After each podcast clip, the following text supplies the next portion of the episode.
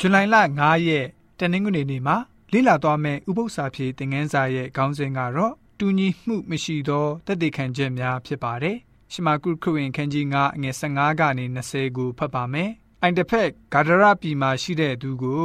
ယေရှုရှင်ဟာဘာကြောင့်ဆွေမျိုးမိသားစုစီကိုပြန်လှုပ်ပြီးတော့တသက်ခံစေရတာလဲဆိုတာကိုကြည့်ကြပါစို့။အထံတော်သို့ရောက်သောအခါနတ်ဆိုးလေကောင်ဆွဲသောသူသည်အဝတ်ကိုဝတ်၍ ပဂတိစိတ်နှင့်ထိုင်နေသည်ကိုမြင်လင်ကြောက်ရွံ့ခြင်းသို့ရောက်ကြ၏နတ်ဆိုးဆွဲသောသူ၌၎င်းဝတ်တု၌၎င်းအဘယ်သို့ဖြစ်သည်ကိုသိမြင်သောသူတို့သည်နောင်လာသောသူတို့အားပြန်ကြားပြီးမှမိမိတို့ပြည်ကထွက်သွားတော်မူမည်အကြောင်းတောင်းပန်ကြ၏လှေထဲသို့ဝင်တော်မူသောအခါနတ်ဆိုးဆွဲဘူးသောသူသည်ကိုတော်နှင့်အတူရှိပါမည်အကြောင်းတောင်းပန်လင်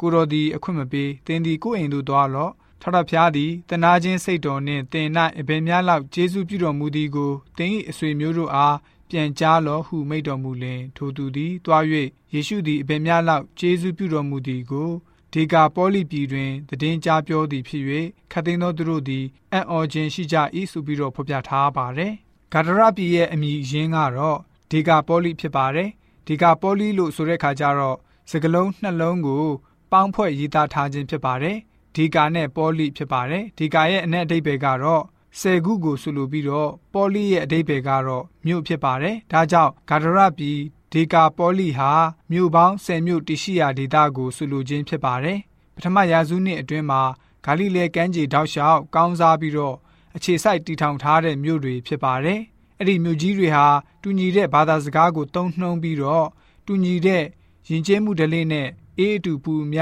အသက်မွေးနေထိုင်ခဲ့ကြပါတယ်။နတ်ဆိုးဖန်ဆားထားတဲ့သူကို အဲ့ဒီဒေသတဝိုက်လူများစွာကမြင်တွေ့သိရှိနေကြပါတယ်။စိတ်ကြောက်ကရဲ့ကြောင်ခြောက်ခြားဖြစ်ပြီးတော့သူ့ရဲ့အမှုအရာနေထိုင်ပုံက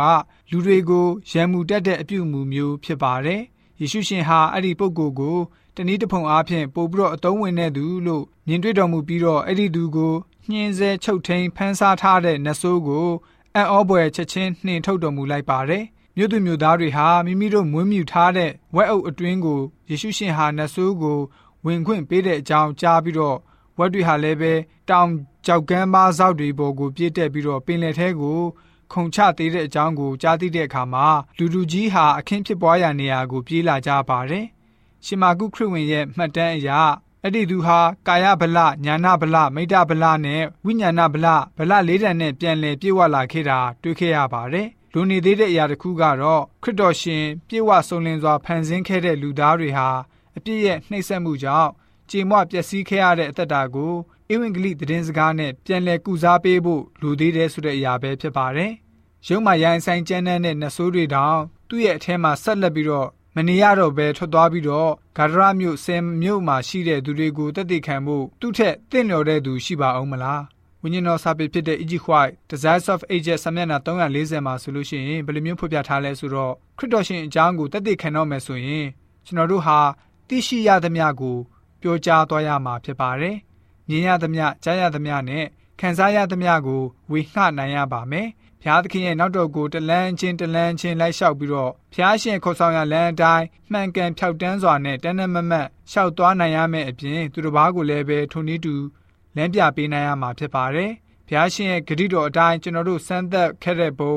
နောက်ဆုံးမှာဂရုတော်ဟာအမှန်တကယ်ပဲတိကျကြောင်းသိမြင်ခွင့်ရခဲ့တဲ့ပုံ ခရစ်တော်ရဲ့ကရုဏာတော်ကြောင့်သာကျွန်တော်တို့တသက်ခံခြင်းအမှုကိုလှုပ်ဆောင်နိုင်ရပုံကိုသိရှိခံစားလာနိုင်မှာဖြစ်ပါတယ်။ဖျားရှင်ခေါ်ဆောင်တော်မူရာတသက်ခံအလုံးမှာပျက်စီးလျက်ရှိတဲ့ကဘာကြီးကိုကယ်တင်မှုဖြစ်ပါတယ်ဆိုပြီးတော့ဝိညာဉ်တော်စာပေကဖော်ပြလိုထားပါတယ်။ထာဝရဘုရားရှင်ဟာတဒံတူညီချက်မရှိတဲ့တသက်ခံခြင်းတွေကိုကရုဏာတော်အားဖြင့်ပြောင်းလဲလာသူတွေကိုအသုံးပြုပြီးတော့ကဘာကြီးကိုထူးခြားကောင်းမွန်လာစေပါတယ်ဆိုပြီးတော့မှ တူညီမှုမရှိတဲ့တသက်ခံချက်များဆိုတဲ့အကြောင်းအရာအဖြစ်တနင်္ဂနွေနေ့ဥပုသ္စာပြေသင်ခန်းစာကဖော်ပြပေးထားပါတယ်။